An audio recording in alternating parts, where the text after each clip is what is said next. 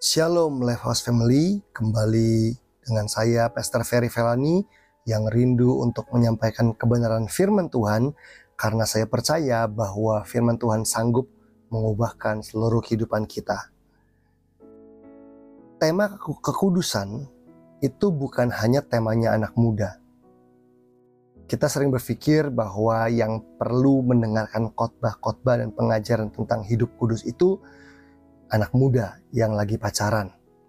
Tapi saya meyakini bahwa tema kekudusan adalah tema yang harusnya didengar, dipelajari oleh seluruh orang percaya, termasuk mereka yang sudah tua, termasuk mereka yang sudah menikah sekalipun. Karena saya percaya bahwa kekudusan itu bukan hanya soal dosa seksual saja, tetapi kekudusan adalah tentang segala sesuatu yang bertentangan dan tidak sesuai dengan sifat-sifat Tuhan dan tidak sesuai dengan kebenaran firman Tuhan. 1 Tesalonika 4 ayat yang ketujuh. 1 Tesalonika 4 ayat yang ketujuh berkata Allah memanggil kita bukan untuk melakukan apa yang cemar, melainkan apa yang kudus. Firman Tuhan berkata bahwa Allah memanggil kita bukan untuk melakukan hal-hal yang cemar, hal-hal yang kotor, hal-hal yang bertentangan dengan sifat-sifat Allah. Allah memanggil kita bukan untuk melakukan hal-hal yang bertentangan dengan kebenaran dan firman-Nya, tapi Allah memanggil kita untuk melakukan apa yang kudus. Itu berarti bahwa kekudusan adalah sebuah panggilan. Allah memanggil kita untuk hidup kudus. Saya percaya bahwa hidup kudus bukanlah sebuah kehidupan yang pasif, sekedar menghindari dosa, sekedar menghindar supaya tidak kotor. Tetapi saya percaya bahwa kekudusan adalah sesuatu yang aktif. Kita dipanggil untuk mengasihi Allah. Kita dipanggil untuk melakukan kebenaran. Kita dipanggil untuk hidup di dalam tujuan-tujuan Allah. Saya percaya bahwa kekudusan adalah soal jatuh cinta dengan Yesus lebih dan lebih lagi. Tanpa cinta, tanpa kasih, kalau kita nggak falling in love with Jesus more and more, maka kita nggak akan hidup dalam kekudusan. Kekudusan adalah panggilan untuk semua orang percaya, untuk semua orang Kristen. Dan sering kali isu kekudusan itu tidak selalu mudah terlihat oleh mata jasmani kita. Tindakan lahiriah kita, sikap dan perilaku kita tidak selalu mencerminkan apa yang ada di hati dan pikiran kita. Kekudusan bukan hanya soal penampilan lahiriah saja.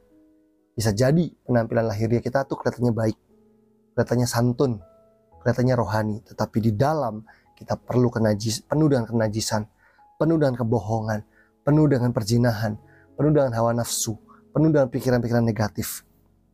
Untuk kita hidup dalam kekudusan, kita perlu jujur terhadap diri sendiri dan jujur terhadap Tuhan. Kita perlu belajar mengenali kecenderungan hati kita, sikap hati kita yang tidak dilihat oleh matanya orang lain. Tetapi saya percaya bahwa Allah melihatnya. Bapak Ibu yang kasih Tuhan, kita harus hidup dalam pertobatan setiap hari. Kita harus bertobat setiap hari jika kita ingin hidup dalam kekudusan. Kekudusan atau kata kudus berarti dipisahkan untuk sebuah tujuan. Itu sebabnya hidup kudus bukan sekedar hidup menghindari dosa. Kita dipanggil untuk berbeda dengan dunia, hidup dengan standar Allah supaya kita hidup di dalam tujuan-tujuan Allah. Kita melesat di dalam tujuan dan visi Allah.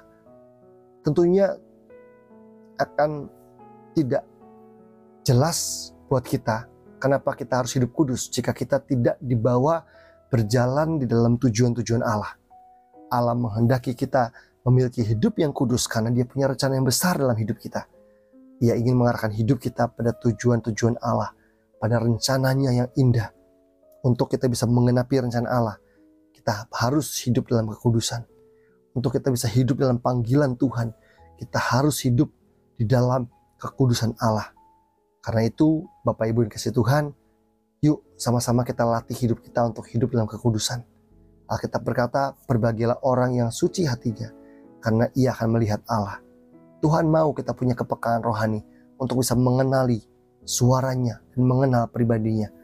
Karena itu kita perlu hidup di dalam kekudusan bahkan bahkan lebih daripada itu, kita harus menjadikan hidup kudus sebagai sesuatu hal yang menggairahkan buat kita.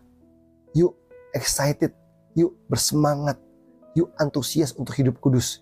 Jangan melihat kekudusan sebagai sebuah beban dalam hidup kita. Saya percaya kehidupan yang terbaik, kehidupan yang maksimal itu dilahirkan dari kehidupan yang kudus di hadapan Tuhan. Tuhan memberkati kita semua.